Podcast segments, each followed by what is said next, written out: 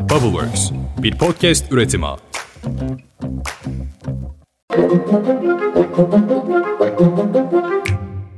Günaydın. Bugün 7 Nisan 2023. Ben Özlem Gürses. Bubbleworks Media ve Pushholder ile birlikte hazırladığımız 5 dakikada dünya gündemine hepiniz hoş geldiniz. Bugün 100.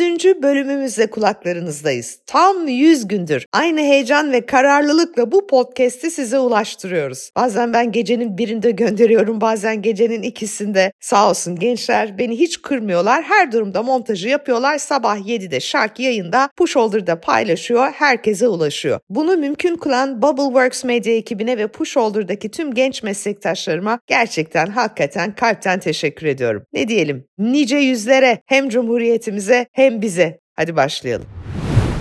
Yeni gündemimiz CHP Memleket Partisi'ne bir ittifak önerisi yaptı mı, yapmadı mı? Bu haftayı da bununla bitirirsek seçime kaldı 37 gün. Bu arada Türkiye Büyük Millet Meclisi de tatile girdi. Bundan sonraki ilk Türkiye Büyük Millet Meclisi Genel Kurul oturumu Yüksek Seçim Kurulu'nun kesin seçim sonuçlarını açıklamasının ardından üçüncü gün yapılacak. Yani yeni seçilmiş milletvekilleri ve yeni seçilmiş cumhurbaşkanıyla. Artık onlar kim olacaksa. Sandık bu kadar yakınken Ankara'da tüm hesaplar ortak liste ve Cumhurbaşkanlığı birinci tur üzerine yapılıyor. Cumhur İttifakı'nın ortağı MHP aldığı karardan geri adım atmadı. MHP Genel Başkanı Devlet Bahçeli tüm Türkiye'de 3 hilal logosuyla seçimlere giriyor. MHP Genel Başkan Yardımcısı Semih Yalçın aday listelerinin hazır olduğunu duyurmuştu. Dün gece geç saatlerde MHP aday listeleri açıklandı. Listelerde Sinan Ateş suikasti dosyasında adı geçen geçen Mersin Milletvekili Olcay Kılavuz, Mersin'de dördüncü sıradan yeniden aday gösterilmiş. Ama şunu hatırlatalım, Olcay Kılavuz 2018 yılında Mersin'de birinci sıradan adaydı. Şimdi ise seçilmesi neredeyse imkansız bir yerde.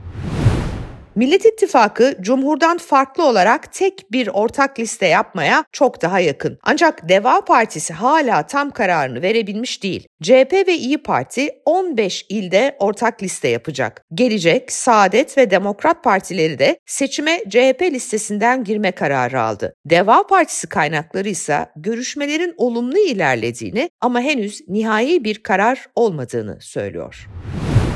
Tek başına seçimlere girme kararı alan bir parti daha var. Muharrem İnce'nin kurduğu Memleket Partisi. İnce hem seçimlerde hem de Cumhurbaşkanlığı adaylığında ısrarlı. Yöneylem araştırmanın son raporunda Muharrem İnce'nin Cumhurbaşkanlığı oyu %9 gözüküyor. Bu durumda Cumhurbaşkanlığı seçimleri ikinci tura kalır. CHP Muharrem İnce ile ve partisiyle iki liderin yani Kılıçdaroğlu ve İnce'nin buluşmasından önce ve sonra uzlaşma için görüştüklerini ve vekillik konusunda öneriler getirdiklerini açıkladı. Bu görüşmeleri hem eski bakan Fikri Sağlar yapmış hem de Muharrem İnce'nin kampanyası boyunca yanında bulunan CHP Genel Başkan Yardımcısı Engin Altan yapmış. Her iki isim de açık açık bunları anlattılar, duyurdular. Bu arka kapı diplomasisinde Muharrem İnce'ye ne önerildiğini bile söylediler ama Muharrem İnce bu açıklamaları bakın nasıl yanıtladı. Cumhurbaşkanlığı imzaları toplanmış, kurallar çekilmiş, oy pusulaları basılmış, 24 saat kalmış dostlar alışverişte görsün diye akıllı dostlar devreye sokulmuş. Amaç kamuoyundan baskı oluşturmak, amaç anlaşmak, uzlaşmak, ittifak yapmak bunların hiçbirisi yok. Amaç kamuoyundan sana baskı yaptırırız, çekil. Bu arada dün yine siyasi gündemimize kurşunlar düştü. Önce İyi Parti'ye inşaatlardan seken kurşun, sonra İyi Parti lideri Meral Akşener'in kürsüden yere attığı kurşunlar, dün de yoldan geçen arabadan havaya ateş edilmesi sonucu CHP İstanbul İl Başkanlığı binasının önüne düşen kurşunlar. Olayı CHP İl Başkanı Canan Kaftancıoğlu duyurdu. Edirne istikametindeki bir araç İstanbul İl Başkanlığımızın yönüne 7-8 el ateş etmiş bulunmakta ve e, olay mahallinde boş kovanlar e, tespit edilmiş olmaktadır.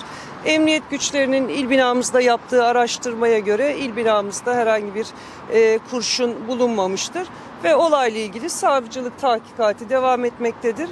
İstanbul Cumhuriyet Başsavcılığı tarafından yapılan açıklamada ise TEM otoyolu üzerinde CHP İstanbul İl Başkanlığı karşı istikametinde D100 karayolunda orta şeritte gitmekte olan bir araç içerisinden havaya birkaç el ateş ediliyor. Binaya isabet yok. Emniyetin kamera ve tespit çalışmaları devam ediyor denildi.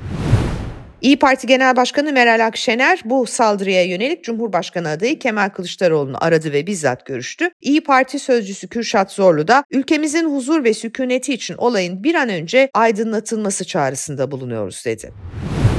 Kemal Kılıçdaroğlu ortak aday sıfatıyla dün Türkiye Değişim Partisi'ne gitti. Genel Başkan Mustafa Sarıgül'ü ziyaret etti. Mustafa Sarıgül adayımız Kemal Bey'dir açıklaması yaptı ve bu görüşmenin ardından Kılıçdaroğlu'nun ikinci durağı Demokratik Sol Parti DSP'ydi. DSP'de Genel Başkan Önder Aksakal'la görüşen Kemal Kılıçdaroğlu'na Aksakal'dan bir destek açıklaması gelmedi. Anayasa Mahkemesi HDP hakkındaki kapatma davasında sözlü savunma tarihini 11 Nisan'a ertelemişti. HDP dün bir açıklama yaptı ve kapatma davasında sözlü savunma haklarını kullanmayacaklarını bildirdi. Açıklama şöyle, partimiz hakkında siyasi sahiplerle açılan ve siyasi müdahalelerle ilerletilen kapatma davasında bütün başvurularımız AYM tarafından gerekçesi olarak reddedilmiştir deniyor. Serbest ve adil seçimlere müdahale anlamına gelen Anayasa Mahkemesi'nin bu tutumu tutumuna karşı partimiz 11 Nisan'da sözlü savunma vermeyecektir deniliyor. Peki şimdi ne olacak? Bu durumda süreç çok daha hızlı ilerleyecek çünkü normalde sözlü savunma yapılacaktı. Sonra rapor yazılacaktı filan. Şimdi buna gerek kalmayacak ve belki de seçimden önce HDP kapatılacak. Adana'nın Sayınbeyli ilçesinde heyelan nedeniyle üzerine kaya devrilen otomobildeki dört öğretmen yaşamını yitirdi. Öğretmenler okuldaki derslerinin ardından yaşadıkları Feke ilçesine dönmek üzere yola çıkmışlar. Ancak ne yazık ki evlerine ulaşamadılar. Depremin vurduğu bölgede heyelanlar devam ediyor. Meteorolojiden yapılan son değerlendirmelere göre Osmaniye çevreleriyle Maraş'ın batı ilçeleri, Adana'nın kuzeyi ve Hatay'da kuvvetli yağış etkisini gösterecek.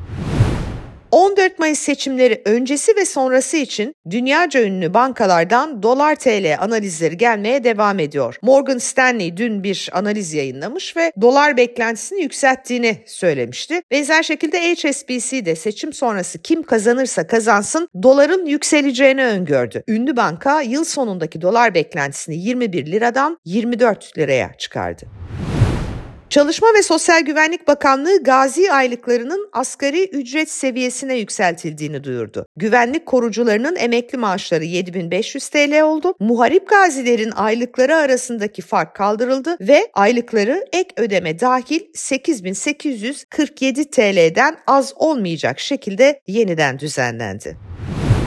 Finlandiya'da görev süresi sona erecek olan Başbakan Sanna Marin hükümetinin istifasını sundu. Hatırlayalım Marin Sosyal Demokrat Parti liderliğinden de istifa edeceğini ve sadece parlamentoda görev yapacağını açıklamıştı. Finlandiya'da seçimlerde Marin'in partisi ne yazık ki üçüncü parti olarak çıktı sandıktan. Millet İttifakı'nın Cumhurbaşkanı adayı TikTok'u öğreniyor. İkinci videosunda Bay Kemal sorulmayacak sorular kanunu çıkaracağım dedi. Şöyle bir şey. Cumhurbaşkanı olduğumda torpile, kayırmaya kesinlikle son vereceğim. Ama sadece bu kadar değil. Evli misin? Bekar mısın? Açık mısın? Kapalı mısın? Çocuk yapacak mısın? Ne? İkizler burcu musun? 14 Mayıs'tan sonra bu sorular tarihe karışacak. Bay Kemal sorulmayacak sorular kanunu çıkaracak. Herkesin cumhurbaşkanı olacak. Neyse ki ben ikizler burcu değilim. Ama çok arkadaşım var ikizler burcundan bu arada. Görüyorsunuz işte seccadeler, kurşunlar, troller, dilek bileklikleri, TikTok videolarıyla Türkiye tarihi bir seçimde yol alıyor. Ne diyelim? İyi olan kazansın. Herkes için hayırlısı olsun. Hepinize mutlu hafta sonları. Pazartesi sabahı. Ben yine buradayım. 101. bölümde görüşmek üzere. Hoşçakalın.